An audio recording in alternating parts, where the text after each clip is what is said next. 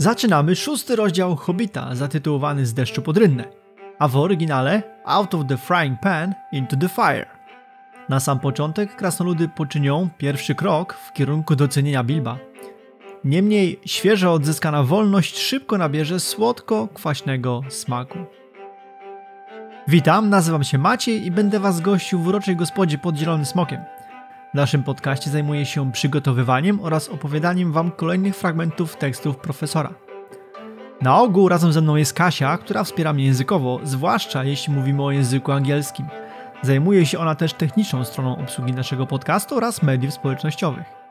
Gospoda pod Zielonym Smokiem to miejsce przyjazne wszystkim podróżnikom i podróżniczkom. Tutaj będziecie mogli wspólnie z nami przewędrować przez niezwykle obszerną oraz ogromnie bogatą twórczość profesora Johna Ronalda Royla Tolkiena. Analizujemy jego teksty po kilka akapitów w każdym odcinku, zagłębiamy się w historię, poszukujemy ciekawostek oraz humorystycznych wątków. Sprawdzamy też, jak nasze rodzime tłumaczenia dzieł profesora wypadają między sobą, czy też w porównaniu do oryginalnego tekstu. W naszych poszukiwaniach posiłkujemy się w dużej mierze już istniejącymi materiałami, których ogrom, co tu dużo mówić, jest jak stado wilków. By dowiedzieć się czegoś więcej o naszym podcaście, zachęcamy do zapoznania się z odcinkiem zerowym, gdzie mówimy trochę o sobie, a przede wszystkim o samej formie, inspiracji i celach naszych działań. Kończąc wstęp, zapraszamy do wspólnej wędrówki przez Śródziemie. Także zajmijcie miejsca w naszej gospodzie pod Zielonym Smokiem, otwórzcie książkę, przygotujcie sobie kufelek dobrego trunku i zaczynamy naszą dzisiejszą podróż. Jak już się pewnie domyśliliście podczas wstępu, dzisiaj nagrywam sam. Tak jest. Okres świąteczny trochę nam pokomplikował plany i w efekcie, żeby utrzymać tempo jednego odcinka na tydzień, no ten właśnie odcinek muszę nagrać bez Kasi, a jej rola jest niezbędna i oprócz pomocy językowej ciągle rośnie, ponieważ dodaje ona sporo do analiz i dyskusji. Dodatkowo ma świetne poczucie humoru. Postaram się ją godnie zastąpić. Mam oczywiście przygotowane od niej materiały językowe, więc poziom merytoryczny powinien być utrzymany. Zanim zagłębimy się w tekst kolejnego, szóstego rozdziału, zaczniemy od krótkiego powrotu do piątki. Pamiętacie, w czternastym odcinku podcastu próbowaliśmy ustalić, jaką wartość sportową ma skok Bilba, ten nad Golumem, który de facto ocalił mu życie. No Tolkien uczynił z Hobbita prawdziwego supersportowca. Skoczył on z miejsca 180 cm w przód i prawie metr w górę. To, jak za, tak jak zapowiadaliśmy, przeprowadziliśmy własne badania, a dodatkowo namówiłem do pomocy mojego syna, który ma aktualnie 10 lat i 135 cm wzrostu. Dla przypomnienia, Bilbo mierzył około 120 cm, no ale miał trochę więcej, bo 50 lat w tym momencie. I oto wyniki. Ja skoczyłem 190 cm, Kasia 160, Lubomir 140. To znaczy, że każdy naskoczył minimalnie więcej niż sam ma wzrostu, ale minimalnie o 5 cm w zasadzie. E, dodatkowo wykonaliśmy też próbę z mieczykiem. Ja nawet skakałem z mieczykiem w nogawce, tak jak Bilbo. Jednak efekty tych skoków nie odstawały jakoś specjalnie od tych poprzednich. Chyba tylko Kasia skoczyła tam parę centymetrów krócej, więc ten mieczyk nie wpłynął jakoś szczególnie. Niemniej nie da się ukryć, no to stawia Bilba z jego sześciostopowym skokiem, czyli mniej więcej 183 cm w świetle superbohatera. E, zauważcie, dodam jeszcze tylko, że on poleciał 3 stopy, a więc ponad 90 cm w górę. Czyli jakby porównując do wzrostu, ja skoczyłem tylko 5 cm, czy tam 7 cm więcej niż mam wzrostu, a Bilbo skoczył 1 trzecią więcej niż ma wzrostu. Ma 120, a skoczył 180 dla wielu koszykarzy czy koszykarek, nie wiem, siatkarzy, siatkarek, którzy skakaniem w górę zajmują się, no powiedzmy, zawodowo, około metr dosiężnego wyskoku, bo tak to się nazywa takie pojęcie, jest niezłym wynikiem. A przecież to są na ogół dwumetrowe chłopy albo 190 cm kobiety, a Bilbo wciąż ma 120 cm wzrostu. Czyli to tak jakby Michael Jordan mierzący 1,98 m potrafił skakać z miejsca na 160 cm. a dysponował on skokiem dosiężnym na około 122 cm i to było jeden z lepszych w historii koszykówki. E, przy czym on trenował od dzieciństwa. Dobra. Teraz zaś przejdziemy do szóstego rozdziału, czyli z deszczu pod rynnę. Bazowym przekładem będzie dla nas wersja Andrzeja Polkowskiego. Dlaczego? No, przypomnę. Książkę Hobbit analizujemy według klucza. Każdy rozdział to inne polskie tłumaczenie. Tak więc szósty przypada Polkowskiemu. Ta część książki w oryginale zajmuje około 20 stron, podobnie jak rozdział 5. Niemniej zdecydowaliśmy, że spróbujemy go przeanalizować w ramach dwóch odcinków podcastu. A to oznacza, że możemy nie zmieścić się w 60 minutach, niemniej obiecuję, że się postaramy. I zanim zanurzymy się już bezpośrednio w tekst powieści, zatrzymamy się na chwilę na samym tytule. Polskie z deszczu pod rynnę jest odpowiednikiem angielskiego powiedzonka o podobnym znaczeniu – Out of the Frying Pan into the Fire, czyli oryginalnego tytułu rozdziału. Skąd wzię wzięło się takie anglojęzyczne powiedzonko? Oczywiście tu mi Kasia wszystko rozpisała i e, wzięło się to z opowiastki, kiedy to jedna z ryb złapanych przez wędkarza ocknęła się, będąc już na patelni, oczywiście na gorącym oleju. Wykazała się ona wybitnym instynktem samozachowawczym, obudziła pozostałe ryby i powiedziała im, że muszą wyskoczyć z patelni, bo się usmażą. No tak też zrobiły. Wyskoczyły z patelni, prosto w palące się pod nimi ognisko. No i tak się przyjął na wyspach z patelni w ogień. Dodam jeszcze tylko, że Skibnieska w swoim przekładzie zastosowała dokładnie takie stwierdzenie, z patelni w ogień, tak brzmi tytuł rozdziału w jej przetłumaczeniu, natomiast Breiter Zimkiewicz, podobnie jak Polkowski, użyli tego polskojęzycznego języcznego odpowiednika, czyli z deszczu pod rynnę. Dobra, także tytuł mamy wyjaśniony. To co? Zagłębiamy się w tekst rozdziału na samym jego początku. Posłuchajcie. Bilbo uciekł goblinom, ale nie miał pojęcia gdzie jest. Stracił swój kaptur, płaszcz, prowiant, kuca, guziki i przyjaciół. Szedł i szedł, aż słońce zaczęło zachodzić za górami. Ich cienie padały teraz na ścieżkę, którą podążał. Obejrzał się, a potem spojrzał przed siebie i zobaczył tylko skaliste grzbiety, zbocza opadające ku nizinom i równinom, widocznym tu i ówdzie między drzewami. Wielkie nieba! zawołał. Wygląda na to, że znalazłem się po drugiej stronie gór mglistych. Och, gdzież się podział Gandalf, gdzie są krasnoludowie?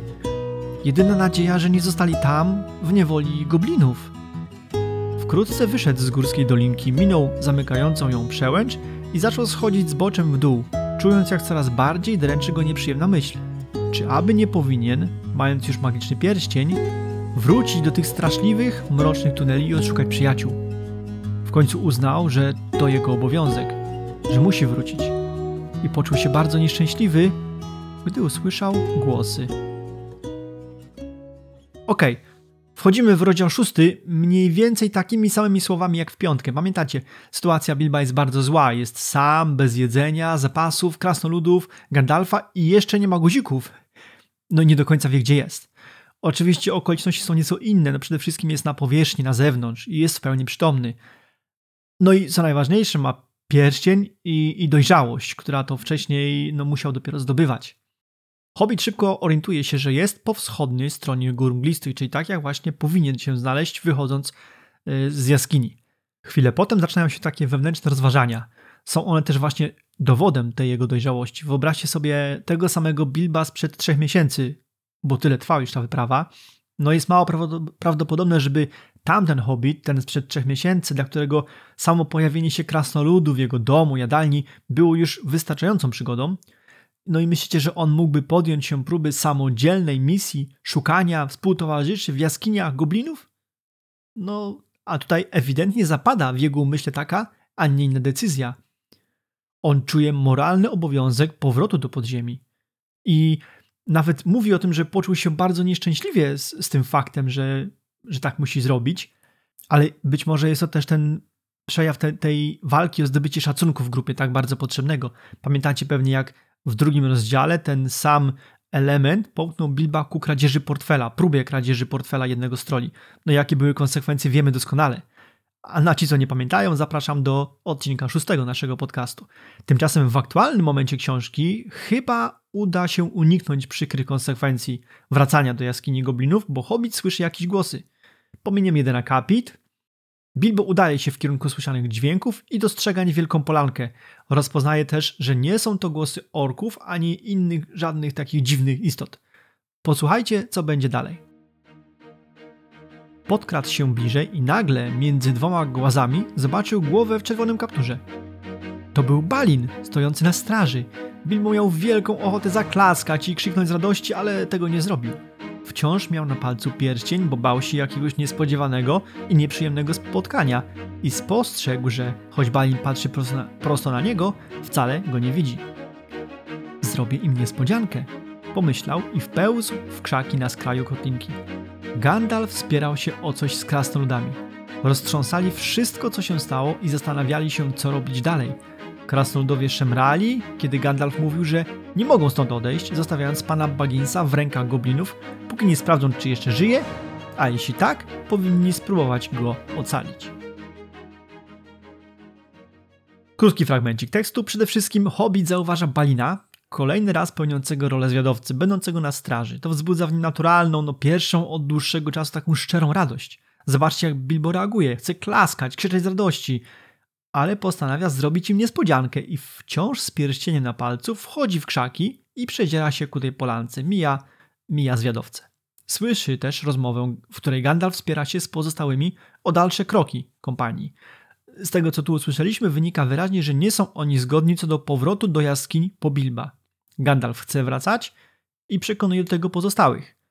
Posłuchajmy więc kolejnego, nieco dłuższego fragmentu, w ramach którego ten spór się rozwinie. Ostatecznie to mój przyjaciel i bardzo porządny mały jegomość. Czuję się za niego odpowiedzialny. Jak u licha mogliście go zgubić? Krasnoludowie narzekali, że w ogóle nie powinni zabierać hobbita ze sobą na wyprawę. Dlaczego nie trzymał się kompanii? Dlaczego gdzieś się zgubił? Dlaczego u licha czarodziej nie wybrał kogoś rozsądniejszego? Jak dotąd więcej z nim kłopotu niż pożytku, burknął któryś. I co, mamy teraz wracać do obrzydliwych lochów, żeby go szukać? A niech go licho porwie. To ja go wybrałem, odpowiedział gniewnie Gandalf. A nie zwykłem wybierać kogoś, z kogo nie ma pożytku. Albo mi pomożecie go odnaleźć, albo pójdę tam bez was, a wy radźcie sobie sami. I powiadam wam, że jeśli go odnajdziemy, będziecie mi za to jeszcze dziękować, nim wszystko się skończy. Dori, jak mogłeś zrzucić go z grzbietu? Sam byś go zrzucił, odrzekł Dori. Gdyby jakiś goblin złapał cię z nienacka za nogi i kopnął w plecy. Ale dlaczego potem nie odnalazłeś go i nie podniosłeś? Wielkie nieba, jeszcze pytasz? Ciemno jak w grobie. Gobliny miotają się, gryzą i turlają po ziemi. Wszyscy walą na oślep czym i w kogo popadnie. O mało co sam nie odrąbałeś mi głowy Glamdringien. A Torin dźgał Orkristem na prawo i lewo.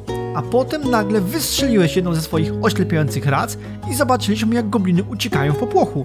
Krzyknąłeś, za mną! No to pobiegliśmy za tobą. Myśleliśmy, że wszyscy cię posłuchali. Sam dobrze wiesz, nie było czasu, żeby się policzyć, zanim nie, przy, nie przedarliśmy się przez strażę, wypadliśmy przez dolną bramę i schowaliśmy się w tej dziurze. No i siedzimy w niej, a tego przeklętego włamywacza nigdzie nie ma. Przeklęty włamywacz jest tutaj! zawołał Bilbo, stając między nimi i zdejmując pierścień z palca. Okej, okay, no i co? Nie macie wrażenia, na początku, że Bilbo w tym dialogu jest traktowany tak mocno protekcjonalnie, jak takie małe dziecko, które wymaga ciągłej opieki i uwagi. Gandalf mówi, czuje się za niego odpowiedzialny, ktoś z krasnoludów zaś, że więcej z nim kłopotu niż pożytku. No, swoją drogą jest to jeden z tych momentów, kiedy Tolkien podał wypowiedź krasnoluda właśnie bez nazywania go po imieniu. Burknął któryś. Pamiętacie, mówiliśmy o tym w jednym z pierwszych odcinków podcastu. Tak będzie coraz częściej. Wracając do tematu protekcjonalnego traktowania, traktowania Bilba, zauważcie, jego ciągle trzeba nosić. Gandalf pyta Doriego, czemu go nie podniósł po tym, jak się przewrócili. Faktycznie, jak to Kasia mówiła w 12 odcinku, takie trochę piąte koło uwozu. Ale, ale, powoli będzie się to zmieniało. Na koniec poprzedniego odcinka, w podsumowaniu, mówiliśmy, że Bilbo po wyjściu z podziemi pod górami mglistymi stał się innym, dojrzalszym członkiem wyprawy i poszukiwaczem przygód. Ale oczywiście to nie jest zmiana taka, wiecie, 0-1. To jest, nazwijmy, proces, który w tych podziemiach przyspieszył gwałtownie, ale jeszcze się nie skończył. Hobbit jeszcze musi troszkę przejść, żeby dojść do końca tej swojej ewolucji. Dobrze, tutaj mamy notatkę od Kasi, która zwraca uwagę na słowa Gandalfa z oryginału. Powtórzę najpierw czytany fragment. To ja go wybrałem, odpowiedział gniewnie Gandalf, a nie zwykłem wybierać kogoś, z kogo nie ma pożytku. Bardzo ładnie to brzmi, ale w oryginale jest I brought him and I don't bring things that are of no use. Słowo things jest tu kluczowe. Sprawdziliśmy oczywiście w OED, Oxford English Dictionary, i nie będziemy tutaj cytować wielu znaczeń tego wyrazu, ale powiem wam tylko, że spośród wszystkich, jakie występują w słowniku, nie ma ani jednego, który dotyczy osoby czy postaci. Wszystkie w swoim znaczeniu obejmują przedmioty. Czyli kolejny raz, nawet w ustach samego Gandalfa, jego przyjaciela, Bilbo jest nazwany jako coś, przedmiot. This thing. Pamiętacie? Podobnie było goblinów oraz podczas przygody z trollami. Polkowski zmienił tutaj znaczenie tego zdania i użył osobowej formy. Breiter Ziemkiewicz zastosowała bezosobowy zwrot, ale dużo bardziej taki ładny, neutralny. Cytuję: To ja go wybrałem, a wszystko co robię ma jakiś cel.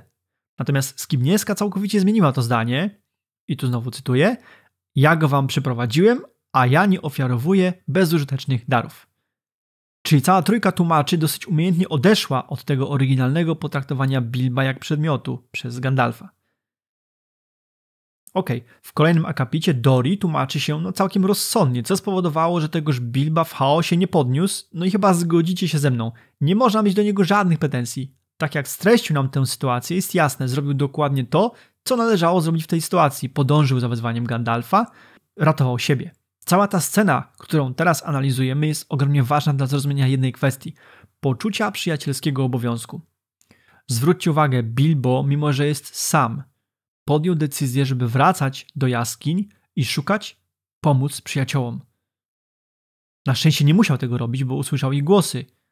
Tymczasem krasnoludowie w tej samej sytuacji są bardzo sceptyczni wobec pomysłu czarodzieja, żeby wracać po Hobita. To świadczy o zupełnie innej moralności Bilba i krasnoludów. Mimo, że tak de facto nie pada z ich ust tak albo nie, ta sama ocena tego pomysłu powrotu do siedziby goblinów, która na głos oni to wypowiadają i Bilbo to słyszy, świadczy o nich samych. Na szczęście zostali zwolnieni z tego obowiązku podjęcia decyzji de facto, bo Hobbit nagle pojawia się w samym środku zgromadzenia, oczywiście przez ściągnięcie pierścienia. Wyskoczył jak Filip z Konopi. O, fajne. Dawno nieużywane powiedzonko i chyba właśnie wymyśliłem tytuł odcinka. Dobrze, zwrócę jeszcze tutaj uwagę na jeden mały, a śmieszny fakcik. Zauważony wcześniej chociażby przez chłopaków z The Prancing Pony Podcast, Bilbo ma tendencję do dramatyzowania i robienia show wokół własnej postaci. Zobaczcie, w jaki sposób on się pojawia w tym momencie. Jest ewidentnie to jest taki jego pomysł na udramatyzowanie tej sceny, na, na zrobienie wrażenia, niespodzianki, zdziwienia u widzów, w tym wypadku krasnoludów. A, a ci z was, którzy znają Władcę Pierścieni, no dokładnie to samo zrobił podczas przyjęcia z okazji swoich 111 urodzin. Zebrał wszystkich gości 144 po to, żeby na swojej przemowie urodzinowej spektakularnie zniknąć. Kasia mi to napisała, że po, po angielsku idealnie pasuje pojęcie hype, czyli działanie, działania mające na celu podtrzymanie emocji i napięcia przed jakimś wydarzeniem. Takie trochę parcie na szkło naszego głównego bohatera. Dobrze, wracamy do tekstu, pominę dwa zdania i wracamy na kolejny bardzo ważny fragment. Trzeba przyznać, że od tego czasu Bilbo bardzo zyskał w oczach krasnoludów. Jeśli do tej pory powątpiewali w jego kwalifikacji jako mistrza złodziejskiego fachu, to teraz przestali w to wątpić. Balin dziwił się najbardziej, wszyscy jednak przyznali, że była to naprawdę niezła sztuczka.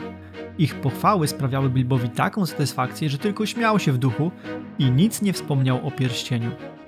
Kiedy zaś go zapytali, jak dokonał tej sztuczki, odpowiedział: Ach, po prostu się wśliznąłem, no, no wiecie, cichutko i ostrożnie.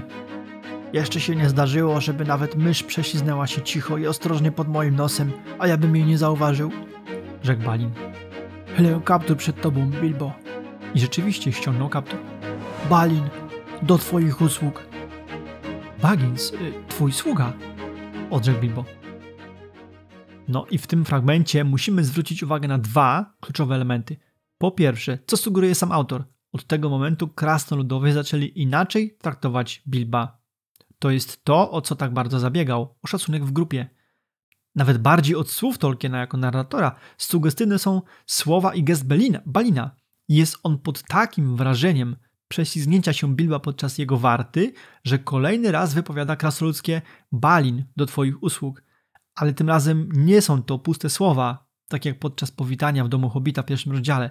Tamte słowa wtedy tak brzmiały jak jak się masz? Witamy się takimi słowami na co dzień, ale nikt nie chce wiedzieć jak się ma ta druga osoba, tylko mówi to na zasadzie cześć, po prostu. A tym razem jest to taka jawna deklaracja. Balin oddaje się Bilbowi do usług. Jest to ogromny wyraz szacunku w stosunku do naszego bohatera. Natomiast drugie, na co chcę, żebyście zwrócili uwagę, to kwestia ukrycia przez Bilba faktu znalezienia pierścienia zapewniającego mu niewidzialność. I tutaj zacznę od cytatu z Władcy Pierścieni. Oczywiście rozdział drugi, Cień przyszłości, ale tym razem skorzystamy z tłumaczenia państwa Franz. Jakiś czas później usłyszałem od Bilba dziwną historię, jak go wygrał, ale nie mogłem w nią uwierzyć. Kiedy wreszcie wydobyłem z niego prawdę, natychmiast zrozumiałem, że Bilbo próbował ugruntować swoje prawo do pierścienia, tak samo jak czynił Gollum, wymyślając bajkę o urodzinowym prezencie. Kłamstwa te były zbyt przejrzyste i zbyt podobne, by uwierzyć w nie bez zastrzeżeń. Domyśliłem się, że pierścień ma szkodliwą moc, która natychmiast zaczyna oddziaływać na tego, kto go posiada. Było to dla mnie pierwsze poważne ostrzeżenie, że coś jest nie w porządku. Często mówiłem Bilbowi, że takich pierścieni lepiej nie używać, ale on nie chciał słuchać natychmiast wpadał w złość. Okej, okay, to są słowa Gandalfa i mówi tu wyraźnie o kłamstwie, do jakiego uciekł Bilbo dwukrotnie. Pierwszy raz, kiedy ukrył przed krasnoludami fakt znalezienia pierścienia. To jest właśnie ten moment, w którym aktualnie jesteśmy w książce Hobbit. A drugi moment, kiedy już w końcu przyznał się do znalezienia klejnotu, ale podał fałszywą wersję historii jego zdobycia. Oba te kłamstwa zaliczył Gandalf na poczet tego początkowego wpływu pierścienia na jego nowego posiadacza, Hobbita. I skupmy się teraz na tym oszustwie, którego właśnie jesteśmy świadkami. Przytoczę tu cytat z Olsona w Exploring the J.R.R. Tolkien's The Hobbit. Bilbo's untruthfulness to the dwarves is easy to understand. He wants very much to rise his street card with them. The dwarves, we must recall, still don't think very highly of Bilbo. They have traveled together for a long while now, but the Hobbit has so far contributed little. As I mentioned in chapter 4, Bilbo's shriek of alarm as the goblins are leaping out to capture them is the only positive thing he has done, and so much has happened since then that the dwarves can perhaps be forgiven for not thinking much about it. Czyli zwraca on tutaj uwagę na rolę tego mini kłamstewka. Jest ono w oczach Bilba elementem walki o podniesienie jego wartości w kompanii. Olson zauważa, że w zasadzie poza tym krzykiem i obudzeniem Gandalfa w przedsionku goblinów, dziewiąty odcinek podcastu i początek czwartego rozdziału, nie zrobił on do tej pory nic pożytecznego. A nawet to obudzenie czarodzieja mogło przecież w tym natłoku wydarzeń zostać przez krasnoludy niezauważone, no i niedocenione. No, obie te kwestie są bardzo ważne. Dobrze, słuchajcie, musimy troszkę przyspieszyć, więc pominiemy teraz spory fragment książki. Bilbo opowiada w nim krasnoludom wydarzenia od momentu, kiedy został sam. Szczegółowo wypytują go o pojedynek na zagadki, o Goluma, o minięcie wartowników przedsionku. Jak już mówiłem, nic nie wspomniał o pierścieniu. Przeczytam teraz kawałek podsumowujący opowieść Hobita. Krasnoludowie patrzyli na niego z jeszcze większym szacunkiem, bo opowiadał im o wymknięciu się strażnikom, przeskoczeniu przez Goluma i przeciśnięciu się przez szczelinę, drzwi, tak? Jakby nie było to szczególnie trudne czy, nie, czy niebezpieczne. A co, nie mówiłem? Zaśmiał się Gandalf. Pan Magis ma coś więcej niż wam się wydaje. Łypnął jakoś dziwnie na Bilba spod krzaczastych brwi, a ten zaczął się zastanawiać, czy aby przebiegły czarodziej nie domyślił się brakującej cząstki jego opowieści. Teraz on miał sporo pytań, bo nie było go, gdy Gandalf wyjaśniał wszystko krasnoludom. Chciał się dowiedzieć, skąd czarodziej wziął się w pieczarze goblinów i dokąd teraz pójdą. Prawdę mówiąc, czarodziej nie miał nic przeciwko temu, by jeszcze raz pochwalić się swoim sprytem.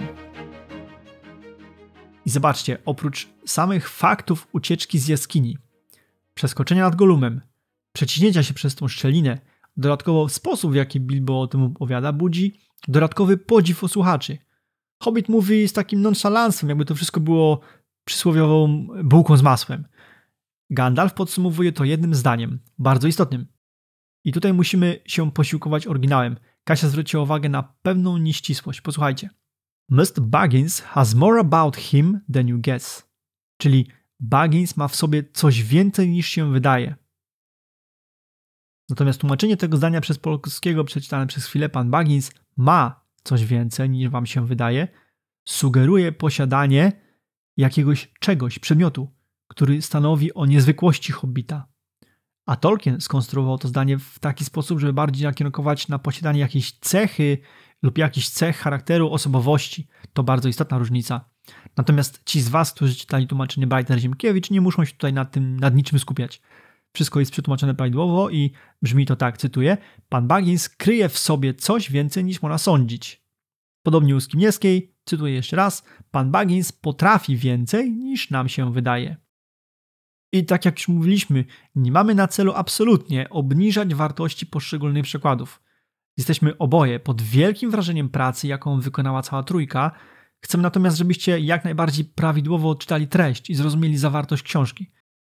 Pamiętajcie, Tolkien był lingwistycznym purystą i perfekcjonistą. Nie można sobie pozwolić na przekręcanie jego słów. Dobra, wracamy do czytanego fragmentu. Za chwilę będziemy mieli znowu taką sytuację, gdzie będziemy musieli jednak się odnieść do oryginału, ale teraz mamy, co mamy teraz? Bilbo zaczął dopytywać czarodzieja o wydarzenia z przedsionka od momentu zniknięcia Gandalfa. I tu znowu mamy podobną sytuację. Polkowski zrobił taki minimalny błąd w interpretacji słów Tolkiena. Przetłumaczył on, że Gandalf nie miał nic przeciwko opowiedzeniu historii jeszcze raz. Czy na pewno nie miał nic przeciwko? Posłuchajcie oryginału. The wizard, to tell the truth, never minded explaining his cleverness more than once. Czyli czarodziej nie miał ani trochę zamiaru opowiadać tej samej historii jeszcze raz. I znów sprawdziliśmy pozostałe tłumaczenia. Brajter Ziemkiewicz zrobiła to samo co Polkowski, a Skibniewska, cytuję, czarodziej, prawdę rzekłszy, nie miał wcale ochoty tłumaczyć po raz drugi swoich sztuczek. Tak więc tym razem tylko Skibniewska zrobiła to no, po tolkienosku, czyli językowo perfekcyjnie. Zwróćcie uwagę, ci, co znają Gandalfa dobrze, jedną z jego cech wrodzonych była niecierpliwość, wybuchowość, no i przede wszystkim niezbyt szeroka otwartość na opowiadanie różnych rzeczy różnym osobom w różnym czasie. Także nawet sam charakter czarodzieja pasuje idealnie do słów z oryginału i z tłumaczenia skimieskiej. Z tego co znam Gandalfa, a znam go w połowie tak dobrze, jakbym chciał, to mocno by się wkurzył, gdyby musiał opowiadać tą samą historię po raz drugi. A gdyby, gdyby to pytanie zdał Pipin, to jeszcze by go zwyzywał od głupków. A tuk! Dobra, na szczęście w tej książce Pipina nie ma. Taka dygresja. Dobra, wracamy do tekstu. Albo nie. Zrobimy teraz sobie króciutką przerwę. Serdecznie witamy tych i te z Was, którzy odwiedzają naszą gospodę po raz pierwszy i dziękujemy tym, którzy są z nami po raz kolejny. I przypominamy, Gospoda pod Zielonym Smokiem to nie tylko podcast. Można nas znaleźć na Instagramie pod Zielonym Smokiem, na Facebooku podcast pod Zielonym Smokiem. Czekamy też na Wasze maile na gospoda małpa pod zielonym smokiem pisane razem.com. Jeżeli podoba Wam się to, co tutaj robimy, zachęcamy do wystawienia nam, oczywiście najlepiej pozytywnych, ocen i komentarzy oraz do zasubskrybowania kanału. Zachęcamy również do rozszerzenia naszej społeczności. Jeśli macie znajomych, którzy mogą być zainteresowani wspólnym wędrowaniem przez dzieła Tolkiena, zaproście ich pod Zielonego Smoka. Nasza strona internetowa podzielonysmokiem.com zawiera linki do wszystkich odcinków wraz z przypisami, a także przebogaty Tolkienozbiór, czyli bibliotekę książek obu Tolkienów, J.R.R. i Christophera oraz książek o Tolkienie. Oczywiście zapraszamy też do dyskusji na wszystkich dostępnych kanałach. Jesteśmy otwarci na Wasze sugestie, podpowiedzi, komentarze czy też dodatkowe informacje, które pomogą nam się rozwinąć. Dobrze, wracamy do treści. Pominiemy teraz bardzo długi fragment, w którym Gandalf wyjaśnia Bilbowi, co się wydarzyło. W zasadzie jest to konkretna treść, więc nie trzeba tu się na tym skupiać bardzo. Podamy go tylko szybkiej analizie. Po pierwsze, dowiadujemy się, że czarodziej m.in. od Elronda wiedział o jaskini goblinów, niemniej wejście do niej znajdowało się według ich wiedzy w nieco innym miejscu. Za chwilę zaś zastanawia się, czy znajdzie jakiegoś porządnego olbrzyma, który pomoże mu te nowe wejście zatkać. No i tu od razu sprostowanie, tu muszę przyznać się do błędu, bo w poprzednim odcinku mówiłem o ostatnim pojawieniu się olbrzymów w tekście książki Hobbit. Jednak nie do końca tak jest i słowo to wystąpi jeszcze, jeszcze trzy razy, także już nie będę się zarzekał, że coś jest ostatni raz na zawsze, nigdy tych słów nie używamy. Dobra, idziemy dalej. Gandalf opowiada, jak wśliznął się przez szczelinę, jak to przygotował super zaklęcie, no i resztę już znamy. Musimy trochę przyspieszyć, dlatego tak na szybko opowiadam wam treść prawie dwóch stron książki. Przynajmniej dzisiaj jeszcze duża wstawka o nowej rasie. Aha, a tak a propos, Zastanawialiśmy się z Kasią nad najlepszym słowem opisującym te nasze wywody spoza treści książki, które regularnie pojawiają się w kolejnych odcinkach podcastu. Mówiliśmy o marginesach, o sidebarach, ale koniec końców uznaliśmy, że słowo wstawka będzie najlepsze. Tak więc od dzisiaj już trwale stosujemy wstawkę w miejscu, gdzie uciekniemy na dłuższy moment od treści czytanej, od treści czytanej książki czy, czy rozdziału, po to, żeby doprecyzować czy dopowiedzieć jakieś tematy. Ok, następny fragment, który wam przeczytam, nastąpi w momencie, kiedy czarodziej ponagli wszystkich do podjęcia dalszego marszu. Swoją drogą jest to taka scena jak spod Mori z filmu Władca Pierścieni, kiedy z pierwszej części, kiedy Aragorn goni towarzystwo opłakujące upadek Gandalfa. By nightfall these hills will be swarmed by orcs! Okej, okay. tutaj jednak to nie jest Moria, więc czytam co się dzieje tu. Tak, tak! Odpowiedział na kolejne pytanie Hobita. Tych ciemnościach straciłeś rachubę czasu. Dziś jest czwartek, a gobliny napadły nas w poniedziałkowy wieczór albo we wtorek rano. Wędrowaliśmy wiele mil podziemnymi korytarzami, przechodząc przez samo serce gór. A teraz jesteśmy po ich drugiej stronie. To nam bardzo skróciło drogę, ale wyszliśmy w trochę innym miejscu, o wiele dalej na północ. Przed nami niezbyt gościnna kraina, no i wciąż jesteśmy dość wysoko. Drogę! Jestem okropnie głodny, jęknął Bilbo, do którego nagle dotarło, że od dwóch dni nie miał nic w ustach. Dwa dni i dwie noce bez jedzenia. Dla hobita to prawie wieczność. Teraz, gdy już podniecenie opadło, poczuł straszliwą pustkę w brzuchu i nogi się pod nim ugięły. Nic na to nie poradzę, odrzekł Gandalf. Chyba, że wrócisz do podziemi i grzecznie poprosisz gobliny, żeby ci oddały kuca z prowiantem. O nie, wielkie dzięki. A więc musimy zacinać pasy i ruszać w drogę. Lepiej nie zjeść kolacji, niż być na kolację zjedzonym.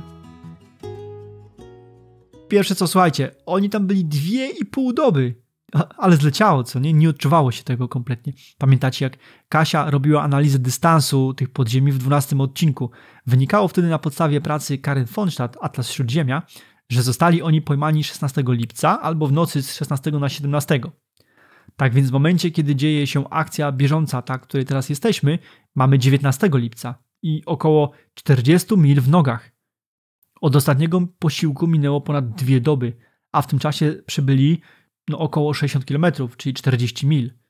Także nieźle. I w tym wszystkim jest nasz biedny hobby, dla którego przerwa w posiłkach dłuższa, nie wiem, niż 3 godziny to już jest tortura.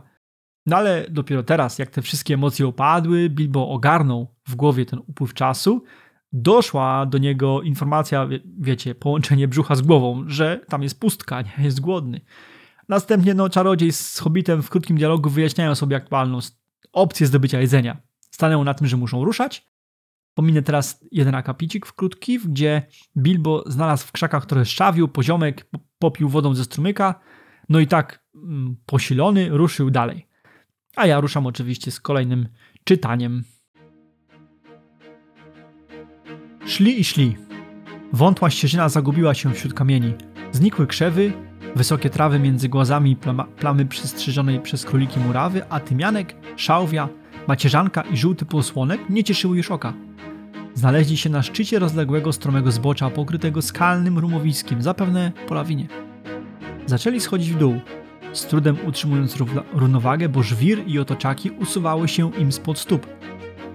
Wkrótce potoczyły się większe odłamki, które pociągnęły za sobą kamienie leżące niżej, co z kolei poruszyło duże bryły skalne, wyrwało je ze stoku i popchnęło w dół. Zanim się spostrzegli, całe zbocze nad nimi i pod nimi ruszyło z miejsca, a oni zbici w gromadkę zsuwali się wraz z nim wśród przerażającego trzasku, grzechotu i łoskotu, w obłokach duszącego pyłu. Uratowały ich drzewa u stóp zbocza. Sunęli się wraz z lawiną aż na sam skraj sosnowego lasu, który sięgnął aż tak wysoko, niby przednia straż ciemnej puszczy porastającej głębokie doliny. Jedni złapali się pni i szybko wspięli na niższe gałęzie. Inni, w tym wypadku mały hobbit, pochowali się za grubymi drzewami, aby uniknąć zmiażdżenia przez toczące się głazy. Wkrótce niebezpieczeństwo minęło. Lawina zamarła i tylko gdzieś z dołu dochodził jeszcze przez chwilę głuch, głuchy łoskot, gdy największe z głazów toczyły się wśród paproci i korzeni drzew. Nie proszę, jak się wpakowali? Kamienne rumowisko ruszyło pod wpływem ich przymarszu. Wywołało lawinę. To tylko potwierdza, jak niebezpieczne i zdradzieckie potrafią być góry. Mamy tutaj znowu przygodę zainspirowaną wycieczką Tolkiena do Lauterbrunnen w 1911 roku. Pamiętacie, w dziewiątym odcinku czytaliśmy list profesora do swojego syna, Michaela, w którym opisywał on zdarzenia z wycieczki do Szwajcarii właśnie w 1911 roku i nazwał je otwarcie inspiracją do przygody w górach, włącznie z tym zsunięciem się z kamienną lawiną. List ma numer 306 i przytoczę tutaj tylko pierwsze jego zdanie. Podróż Hobita z Rivendell na drugą stronę gór mglistych, łącznie ze ześlizgnięciem po usuwających się kamieniach do sosnowego lasu, jest oparta na moich przygodach z 1911 roku. Tak więc sprawa jest jasna. Niemniej kompania ma dużo szczęścia. Dużo szczęścia. W zasadzie kamienie wyhamowują same w lesie poniżej, zanim tak naprawdę komukolwiek coś się stało. Takie kamienne osuwiska potrafią wyrządzić ogromne szkody i to, że nikt z nich nie złamał nogi albo kręgosłupa, no jest tylko łutem szczęścia. Serio. Zauważcie też kolejny rozdział z rollercoasterem emocji. Zaliczyliśmy już dzisiaj źle, dobrze, źle, dobrze. A ten rozdział ma jeszcze sporo przed sobą. Dobrze, teraz zaś będzie spory fragment tekstu, który znowu pominiemy. Najpierw ma miejsce krótki dialog Bombura z Gandalfem. Czarodziej stwierdza, że dzięki zsunięciu zyskali przewagę nad potencjalną pogonią. No, Krasnolud zaś zauważa w tym dalsze niebezpieczeństwo. Niemniej ruszają dalej. Poobijani schodzą w dół, robi się ciemno. Jest bezwiecznie. Wracamy do tekstu w momencie, kiedy zaczną się dziać ciekawe rzeczy. Posłuchajcie. Długo tak jeszcze będziemy szli? Zapytał Bilbo, kiedy zrobiło się tak ciemno, że widział już tylko kołyszącą się brodę Torina i tak cicho, że posapywanie krasnoludów raziło jego uszy. Palce u nóg mam pośniaczone i powykręcane, bolą mnie nogi. Brzuch mi się kolebie jak pusty worek. Jeszcze trochę! odpowiedział Gandalf. Hobbitowi wydawało się, że minęły wieki, kiedy niespodziewanie wyszli z pomiędzy drzew. Księżyc stał wysoko, zalewając blaskiem leśną polanę. Nic złego nie wypatrzyli, ale to miejsce wydało im się jakoś nieprzyjazne. Nagle, gdzieś z dołu, dobiegł ich skowyt. Długie, rozedrgane wycie. Odpowiedział mu drugi, tym razem o wiele bliższy, gdzieś na prawo od nich. A potem jeszcze jeden, zupełnie blisko, gdzieś na lewo. To wilki. Wyły do księżyca. Wilki się zwoływały. Tak jest, oto zapowiadani wrogowie. Ale po kolei. Wpierw mamy znużonego Bilba, który widzi już tylko kołyszącą się brodę Torina i słyszy rażące posapywanie krasnoludów. Pamiętacie przygodę z trollami? Hobbit też naśmiewał się z głośnych i niezdarnych towarzyszy. A ta kołysząca się broda przywódcy krasnoludów, no być może farba, którą użył do swojego zarostu, w pierwszym odcinku autor mówił, że przecież była błękitna. Może ta farba była też fluorescencyjna, dlatego się świeciła ta broda ale w pewnym momencie wychodzą na polankę i co od razu rzuca się w oczy? Wyczuwają jakąś złowrogość tego miejsca. Coś tutaj się działo, co wzbudzało taki dziwny niepokój. I Tolkien nie każe nam zbyt długo czekać. W następnym zdaniu poznajemy odpowiedź. Bohaterowie słyszą wycie wilków. Na domiar złego to wycie się przybliża. Ok, teraz w książce jest krótki fragment, którego czytać nie będę. Dowiadujemy się w nim, że choć Bilbo nie mieszkał na co dzień na terenach, gdzie bywały wilki, to jednak znał ich głosy. Otóż miał starszego kuzyna, który znęcał się nad naszym hobbitem, naśladując te przeraźliwe wycie wilków w jego obecności i strasząc go w ten sposób. I przypomnijcie sobie, przypomnijcie sobie, co mówiłem na koniec poprzedniego rozdziału. Baggins wyszedł z podziemi pod górami mglistymi bardzo odmieniony, ale nadal jest w trakcie procesu dojrzewania. No i wracamy do czytania w momencie, kiedy ten, ten proces ujawni się z pełną siłą. A wycie wilków w lesie w księżycową noc to już było dla hobita zbyt wiele. Przed wilkami chyba nie chronią nawet magiczne pierścienie, a już na pewno nie chronią przed złowrogimi stadami wilków, włóczącymi się w cieniu zamieszkanych przez gobliny gór, na najdalszym skraju dziczy, u granic nieznanego. Takie wilki mają węch lepszy od goblinów i wcale nie muszą widzieć swojej ofiary, by ją schwytać. Co teraz zrobimy? Co zrobimy? Krzyknął. Uciec goblinom, żeby trafić między wilki. Te słowa stały się później przysłowiem, choć dzisiaj w takich okolicznościach mówimy raczej wpaść z deszczu pod rynę. Na drzewo! Szybko! zawołał Gandalf. Popędzili ku drzewom na skraju polany, wypatrując drzew o nisko wyrastających gałęziach lub wystarczająco smukłych pniach, żeby można było się na nie wspiąć. Nie trudno sobie wyobrazić, że szybko je znaleźli, a jeszcze szybciej się na nie, na nie powłazili. I to tak wysoko, jak tylko się dało. Uśmialibyście się serdecznie na widok brodatych krasoludów, uczepionych konarów drzew niby starsi panowie udający chłopców. Okej, okay. na samym początku mamy zdanie, które już raz w odniesieniu do Bilba padło w tej książce. Kto pamięta? Pierwszy rozdział książki, kiedy słowa Torina w jadalni wywołały wybuch panicznego krzyku. Teraz ponownie mamy takie samo zdanie, czyli dla Hobbita jest to już zbyt wiele, tak mniej więcej brzmi to zdanie. Ale reakcja jest zupełnie inna. To też jest, to, to jest takie zbyt wiele, ale nie powoduje już tego wybuchu paniki. Wtedy Bilbo praktycznie pada plackiem na ziemi. A zobaczcie tutaj, Bilbo całkiem rozsądnie analizuje w głowie sytuację. Wie, że pierścień mu nie pomoże, wie, że te wilki mają doskonały węż, to są zupełnie inne wilki niż te po zachodniej stronie gór mglistych. Natomiast w konsekwencji jednak pada ta, takie dosyć nerwowe pytanie, co teraz zrobimy? No a zaraz po nim kolejna wersja polskiego powiedzenia z deszczu pod rynne. No tym razem takie rodem prosto ze śródziemia. Uciec goblinom, żeby trafić między wilki. Sam autor informuje nas, że stały się one, te, te słowa, stały się przysłowiem. Oczywiście Gandalf na szybko wymyśla rozwiązanie. Jedyne słuszne, na drzewa.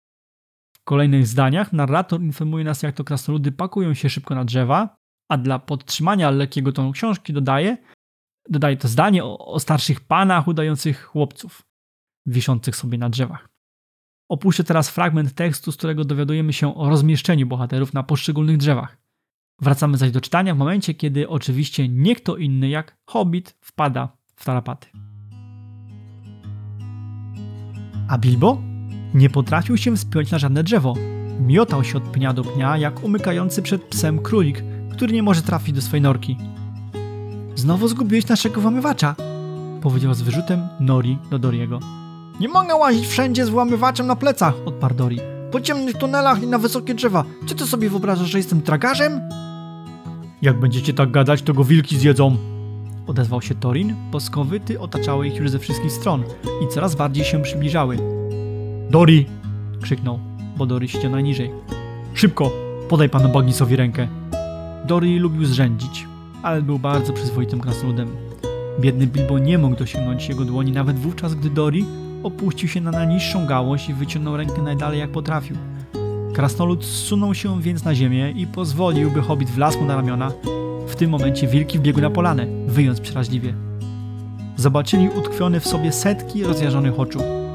Dori nie zrzucił jednak Bilba, lecz zaczekał, aż hobbit wgramoli się na najniższą gałąź, a potem sam się na nią podciągnął. W ostatniej chwili wielki wilk chwycił zębami jego pelerynę i mało brakowało, by go ściągnął na ziemię. W minutę później cała watacha kłębiła się wokół pnia, błyskając ślepiami, podskakując i skowycząc z wywieszonymi jęzorami. A nawet dzicy wargowie, bo tak nazwano, nazywano złe wilki zwłóczące się na skraju dziczy, nie potrafią wspinać się na drzewa. Przynajmniej na razie pozostawali więc bezpieczni. Na szczęście było ciepło i bezwiecznie. Drzewa nigdy nie są najwygodniejszym schronieniem, zwłaszcza gdy trzeba na nich siedzieć przez dłuższy czas. Ale w zimną i wieczną noc, gdy zgraja wygodniałych wilków czyha na dole, ukrywanie się na nich może być prawdziwą dręką. No i pięknie, jak zwykle, nasz główny bohater ma kłopoty. Tak się zastanawiam, przecież między hobbitami a krasnoludami jest około stopy, półtora stopy różnicy wzrostu na podstawie posiadanej wiedzy. Czyli to jest około 30 do 45 cm w skrajnych przypadkach. I nagle Bilbo, nawet podskakując, nie jest w stanie doskoczyć do najniższej gałęzi jednego z drzew? Przecież inne krasnoludy po prostu na te drzewa weszły, nie ma mowy o żadnym skakaniu i tak dalej. A, a przecież nie tak dawno, w zasadzie paręnaście godzin wcześniej, Hobbit skacząc nad Golumem poleciał trzy stopy w górę. To jest prawie metr z miejsca. No dziwna sprawa. Wytłumaczenie może być tylko jedno. Był on już tak zmęczony, głodny, y, że nie tylko nie był w stanie powtórzyć poprzedniego skoku, ale wydaje się, że nie był już w stanie skoczyć nawet na jedną stopę do góry, czyli na 30 cm. Bo to by wystarczyło, żeby sięgnąć tam, gdzie krasnoludowie w zasadzie. No, druga kwestia. Hobbit po raz kolejny jest porównany do królika. Badacze zwrócili na to uwagę i my też się temu przyjrzymy. Powszechnie wiadomo, że Tolkien konsekwentnie odrzucał jakiekolwiek próby przypisania podobieństwa nazwie Hobbit z Rabbit, czyli z królikiem. Tymczasem sam Tolkien kilkakrotnie w tekście używa tego porównania. Po raz pierwszy podczas przygody u troli, ponownie zaś tu i teraz. Bilbo biega jak królik umykający do norki przed psem. I w tym rozdziale jeszcze spotkamy się z takim porównaniem, ale zajmiemy się w nim w następnym odcinku podcastu. Dobrze, wróćmy do tekstu. Kolejny raz Dori najpierw zostaje zbesztany za pozostawienie Bilba na ziemi, zaraz potem zaś dostaje rozkaz od samego Torina, żeby pomóc Hobbitowi, sięgnąć po niego. Tutaj trzeba przyznać, mamy pierwszy tak jawny przypadek bohaterstwa ratującego życie, narażającego własne życie na, na jego koniec. Dori bowiem zeskakuje z drzewa i pomaga Bagnicowi sięgnąć do tej najniższej gałęzi i, i sam ledwo zdąża przed pierwszymi wilkami uciec. Brawo Dori, naprawdę, brawo Dori. Przypomnę tylko, to ten sam krasnolud, który wziął Bilba na plecy, kiedy uciekali z kuci łańcuchem z wielkiej jaskini goblinów. I to ten sam także, który w wyniku ataków w korytarzach stracił Bilba, niósł go wtedy na plecach, ale jak już mówiliśmy, absolutnie nie można mieć do niego o nic pretensji do Doriego. No i na sam koniec tego fragmentu dowiadujemy się, że wilki żyjące na skraju puszczy nazywają się wargowie. Z angielskiego, z angielskiego wargs. Ale czy jedyna różnica między wilkami a wargami to miejsce występowania? No, chyba nie. Zanim jednak poznamy szczegóły, odpuścimy czytanie fragmentu, w którym wilki na węch wynajdują wszystkie drzewa zajęte przez naszych bohaterów i ustawiają wokół nich straże. Dowiadujemy się też, że na polankę przybywają setki tych bestii, a wśród nich jest nawet jakiś przywódca. I posłuchajcie teraz następnego fragmentu. Na środek wyszedł ogromny szary wilk i przemówił do zgromadzenia w ohydnym języku wargów. Tylko Gandalf znał ich mowę, Bilbo nie rozumiał ani słowa, ale drżał, słysząc jej złowieszcze brzmienie. Był pewny, że warg mówi o czymś strasznym i okrutnym. I tak rzeczywiście było. Co jakiś czas cała zgraja odpowiadała swemu wodzowi chórem, a to straszliwe wycie tak wstrząsało hobbitem, że o mało nie spadł z gałęzi. Powiem wam, co usłyszał Gandalf, choć Bilbo nic tego nie pojął. Wargowie i gobliny często pomagają sobie w swoich plugawych przedsięwzięciach. Z tego, co mówił Szary Wilk, wynikało, że na tę właśnie noc gobliny zaplanowały wielką, upieszczą wyprawę. Wargowie mieli się z nimi spotkać, ale gobliny się spóźniały. Przyczyną była bez wątpienia śmierć wielkiego goblina i zamieszanie wywołane przez krasnoludów, hobita i czarodzieja, których prawdopodobnie wciąż ścigano. Ostatnimi czasy, nie zważając na niebezpieczeństwa czyhające na tym odległym pustkowiu, dzielni ludzie zaczęli tu wracać z południa. Wycinali drzewa i budowali domostwa w bardziej przyjaznych lasach, porastających doliny i brzegi rzek. Było ich wielu, a wszyscy odznaczali się odwagą i w dodatku byli dobrze uzbrojeni, więc wargowie nie odważali się atakować ich w biały dzień, gdy ludzie trzymali się razem. Teraz jednak wilki postanowiły razem z goblinami napaść nocą na kilka wiosek położonych najbliżej gór. Gdyby ich plan się powiódł, w tych wioskach nie pozostałaby do rana ani żywa dusza, z wyjątkiem tych nielicznych nieszczęśników, których gobliny pognałyby jako jeńców do swych pieczar. No i mamy kolejną różnicę między wilkami a wargami. Otóż te tutaj istoty potrafią mówić. I choć język ich jest okropnie nieprzyjemny, bardzo mało znany, tylko Gandalf ich rozumie, to nadal stawia to te istoty wśród tych inteligentniejszych ras Śródziemia, czyli potrafiących się wypowiadać i porozumiewać. I zauważcie, jaką reakcję wśród słuchaczy wywołują te spontaniczne odpowiedzi całej watachy. No, Bilbo prawie spada z gałęzi. Ok, i teraz, skoro już poznaliśmy dwie cechy różniące wilków od wargów, czas na wstawkę, o, którą, o której mówiliśmy na początku, mówiłem, o tej rasie. Zajmę się tym dokładnie teraz, w tym momencie. Co możemy znaleźć w tekstach profesora? To może zacznę od rozróżnienia trzech nazw na bardzo zbliżone rasy istot. Wszystkie one występują w dziełach profesora i to są wilki, wargowie i wilkołaki. Mimo, że mają one wspólną cechę, to jednak są to osobne rasy. Wargowie nie tylko są więksi od wilków, lecz także dużo inteligentniejsi, posługują się jakąś formą mowy, mają zorganizowaną dużo lepiej hierarchię społeczną. Natomiast wilkołaki to zupełnie osobna gałąź i nie będziemy się tutaj na niej skupiali. Jeśli chodzi o budowę zewnętrzną, nie znalazłem nigdzie konkretnych cyfr i danych, ale na podstawie przytoczonego wcześniej tekstu samego Tolkiena mogły na nich jeździć gobliny niczym na koniach, to był cytat, musiałoby to oznaczać, że mogą być wielkości co najmniej dużych kucyków. Skąd się wzięły te stworzenia w umyśle profesora? Jak zwykle źródeł należy szukać w słowie. Ratliff wyjaśnia to w swoim krótkim eseju w ramach The History of the Hobbit. Wilki jako te złe, leśne, górskie stworzenia występowały w literaturze już od starożytności. Wymieniony wcześniej Ratliff podaje jako przykłady Little Red Riding Hood, to jest VII wiek z Francji, to jest znany nam oczywiście no, Czerwony Kapturek. Bardziej współczesne Tolkienowi dzieła to m.in. historię Jacka Londona, Willie Cutter czy Brama Stokera. Y, I samo słowo zaś wyjaśnia profesor w liście do Jenny Wolf, innego autora fantazy, który, który chciało się dowiedzieć czegoś więcej o etymologii zbliżonej przecież do jego nazwiska, nazwy rasy.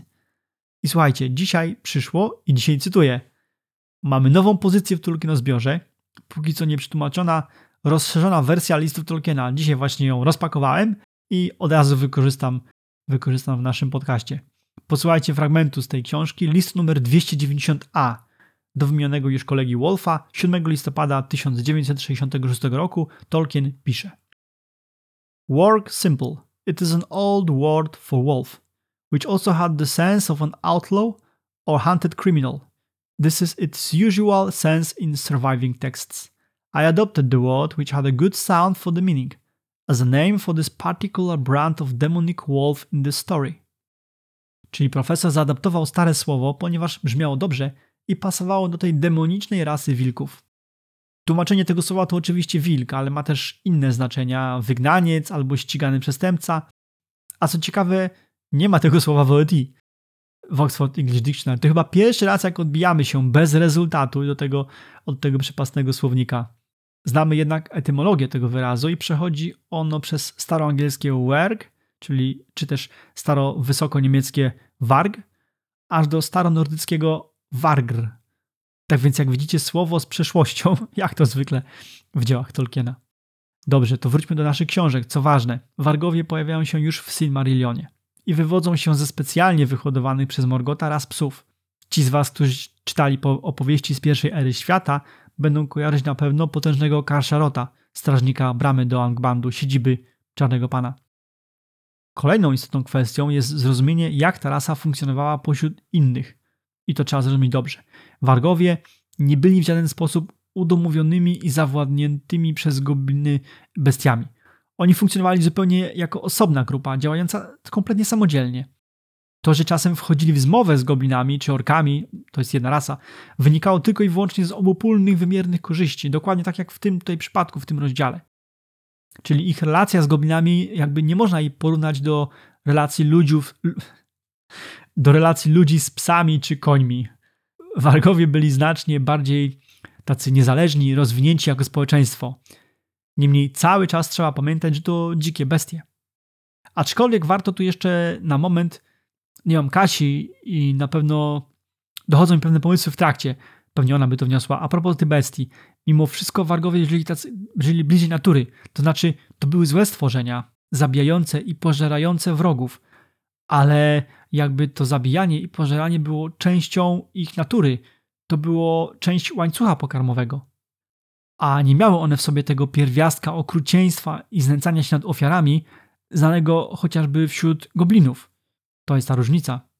Okay, spójrzmy jeszcze tylko na badania Douglasa Andersona. Zauważył on, że sama scena z wargami, ta właśnie, którą teraz jesteśmy świadkami, została w dużej mierze zapożyczona z romansu S.R. Crocketa pod tytułem The Black Douglas – Y, w Hobbicie z objaśnieniami, w książce Hobbit z objaśnieniami, w ramach przypisu do tego rozdziału możecie się zapoznać z tym fragmentem twórczości tego autora w całości. Zachęcamy.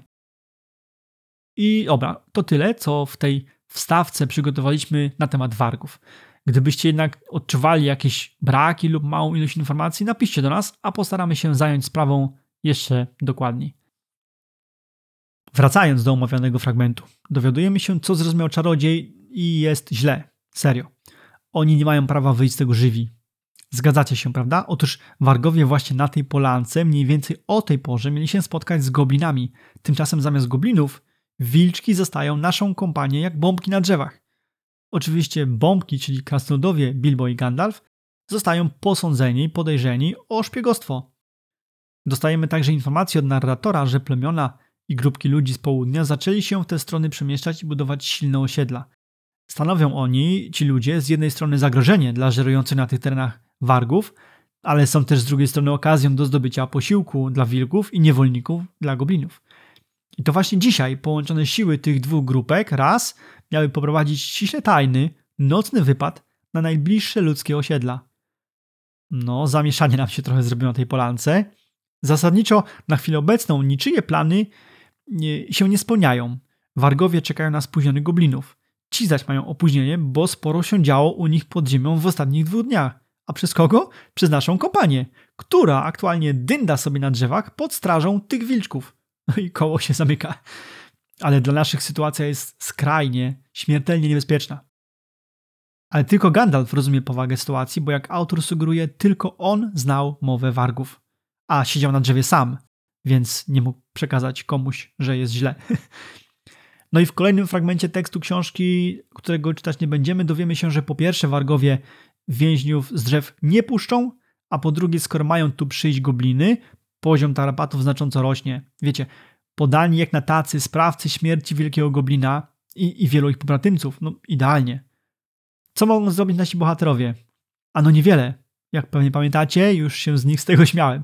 Mają tylko trzy sztuki broni na 15 chłopa i są to miecze.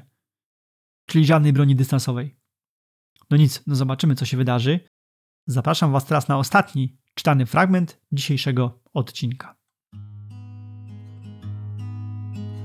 Teraz już rozumiecie, dlaczego Gandalfa, słuchającego tych skowytów i powarkiwań, ogarnął straszliwy lęk, choć był tak potężnym czarodziejem.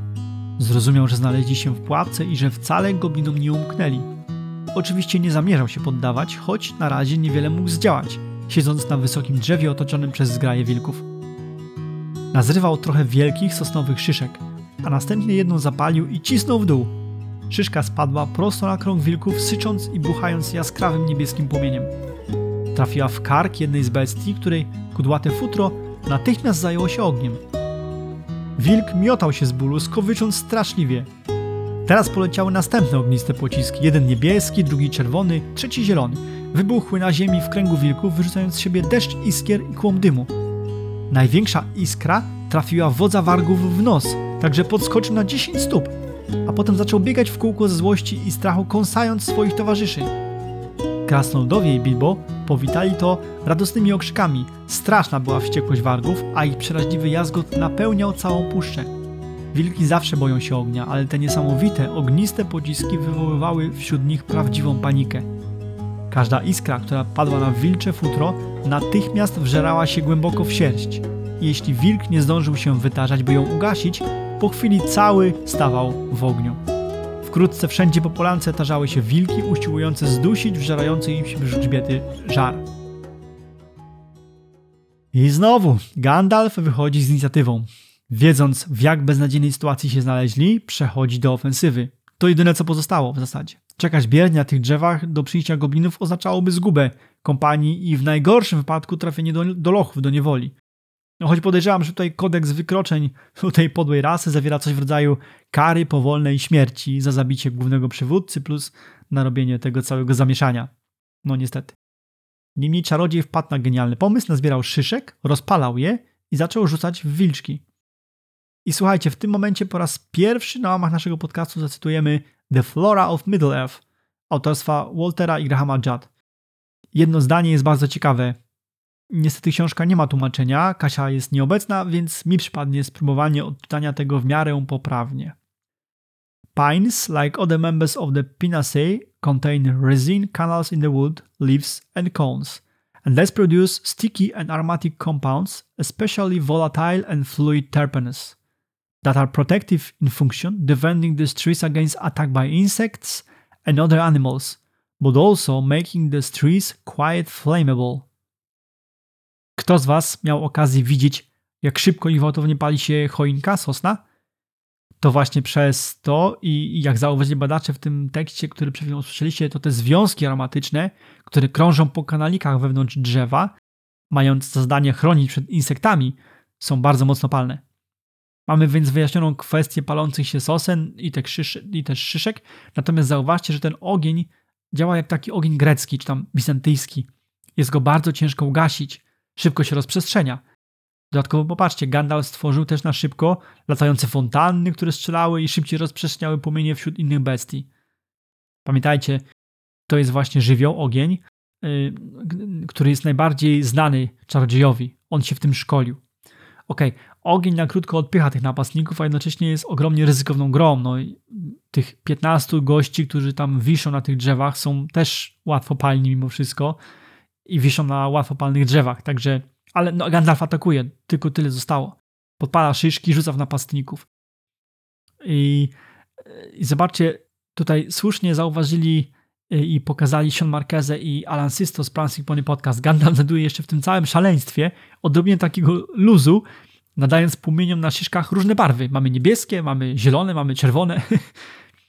A chociaż być może te kolory y, kodowały inne właściwości pocisków. Na przykład jedne były rozpryskujące, inne nie penetrujące, a trzecie zaś niemożliwe do, do zgaszenia, jak właśnie ten ogień grecki, y, czy te różne inne ognie z historii starożytności.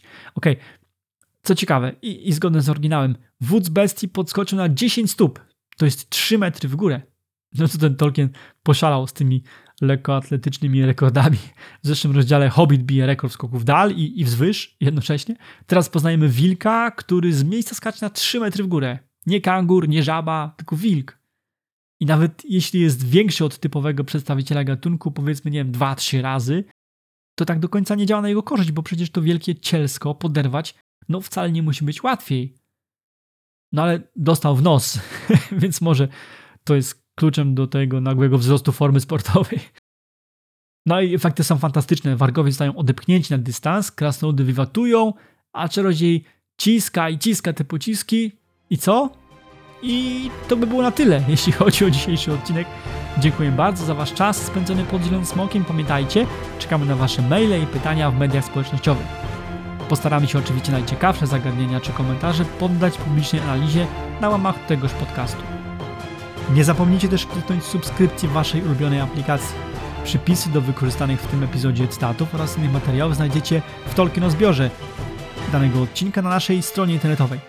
Tam mamy też pełną, bardzo bogatą bibliotekę książek i innych mediów, z których korzystamy tworząc podcast.